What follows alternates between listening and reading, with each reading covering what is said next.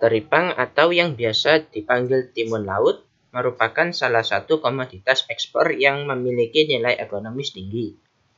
Teripang memiliki banyak jenis. Meskipun sama-sama teripang, nilai ekonomi setiap jenis tidaklah sama. Jenis teripang yang paling tinggi saat ini adalah Japanese sea cucumber atau Aposticopus japanicus yang dapat mencapai sekitar 3.000 dolar per kilogram disusul oleh jenis teripang pasir atau Holoturia scabra dengan harga dapat mencapai 1.600 dolar per kilogram. Sayangnya, jumlah kedua jenis teripang ini di alam semakin berkurang dan termasuk dalam spesies yang dilindungi. Tingginya tingkat permintaan terhadap teripang segar maupun olahan terus meningkat dari tahun ke tahun Teripang selain digunakan untuk bahan menu makanan, juga digunakan dalam dunia farmasi. Dalam dunia farmasi, teripang digunakan sebagai obat anti kanker.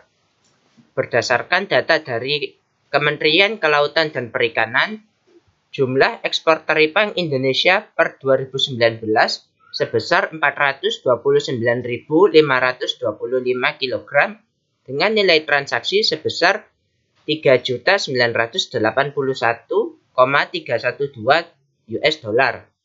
Saat ini, Indonesia termasuk sebagai negara pengekspor teripang terbesar di dunia. Sayangnya, sebagian besar teripang yang diekspor merupakan tangkapan alam. Keadaan ini tentunya tidak baik bagi kelestarian alam. Hal ini dapat dilihat dari grafik jumlah ekspor teripang yang semakin menurun dari tahun ke tahun. Untuk mencegah kepunahan teripang di alam, Kementerian Kelautan dan Perikanan mencetuskan program pembenihan dan budidaya teripang. Teripang masuk dalam keluarga invertebrata, yang berarti teripang tidak memiliki tulang belakang. Teripang dapat ditemukan di berbagai laut kecuali Antartika. Teripang dapat hidup mulai dari daerah pasang surut hingga perairan laut dalam. Teripang bergerak sangat lambat, hanya sekitar 0,98 meter per jam. Ia juga termasuk ke dalam hewan pemakan substrat. Teripang memakan pasir dan bahan organik di dalamnya, kemudian mengeluarkan zat-zat yang tidak diperlukan.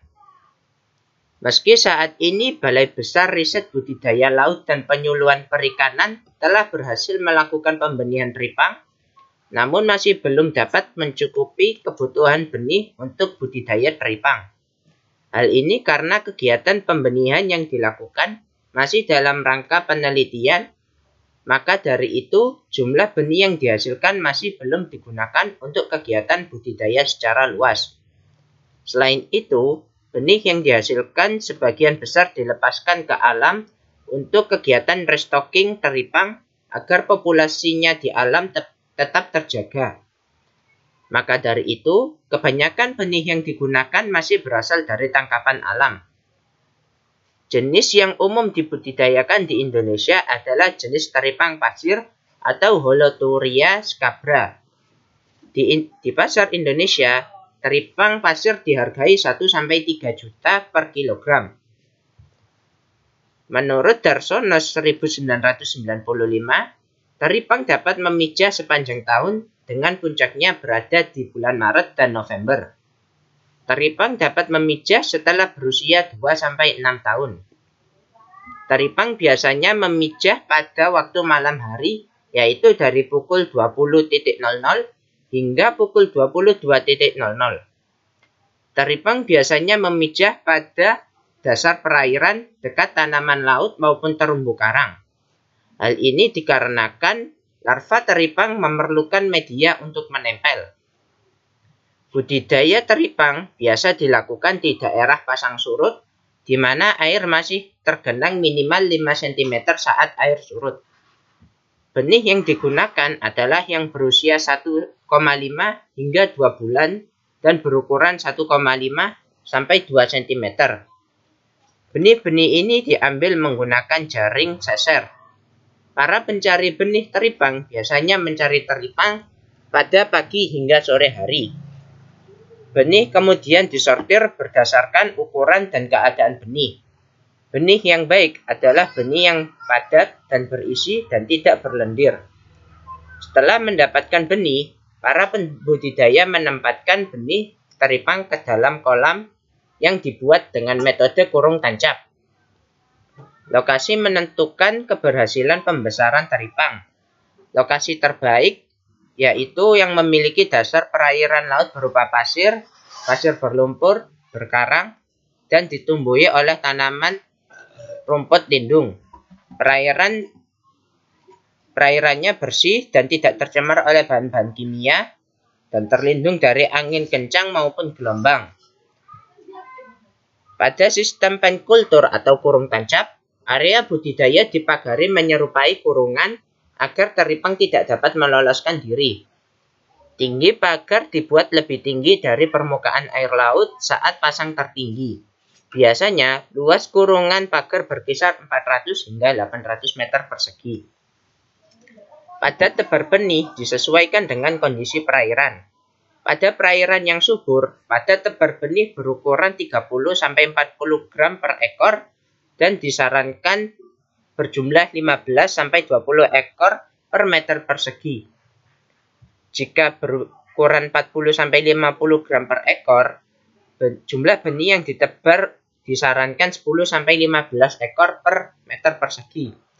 Proses penebaran benih dilakukan pada waktu pagi atau sore hari ketika suhu tidak terlalu tinggi. Teripang yang dibudidayakan di habitat aslinya mengandalkan pakan alami berupa plankton dan detritus yang tersedia di dalam perairan. Agar plankton tumbuh subur selama pemeliharaan, diberikan kotoran ayam yang dicampur dengan dedak halus sebanyak 0,1 kg per meter persegi. Campuran ini berfungsi sebagai pupuk untuk menyuburkan plankton diatom yang merupakan pakan alami bagi teripang. Lama waktu pemeliharaan hingga panen sekitar 4-5 bulan. Biasanya, ukuran teripang sudah mencapai 300 hingga 500 gram per ekor. Pemanenan dilakukan pada waktu air mencapai surut terendah. Proses ini perlu dilakukan beberapa kali mengingat teripang biasa membenamkan diri di pasir atau lumpur ketika terjadi air surut. Ketika air pasang kembali, teripang akan keluar dari tempat persembunyiannya dan pada saat itu dapat diketahui berapa jumlah teripang yang belum dipanen.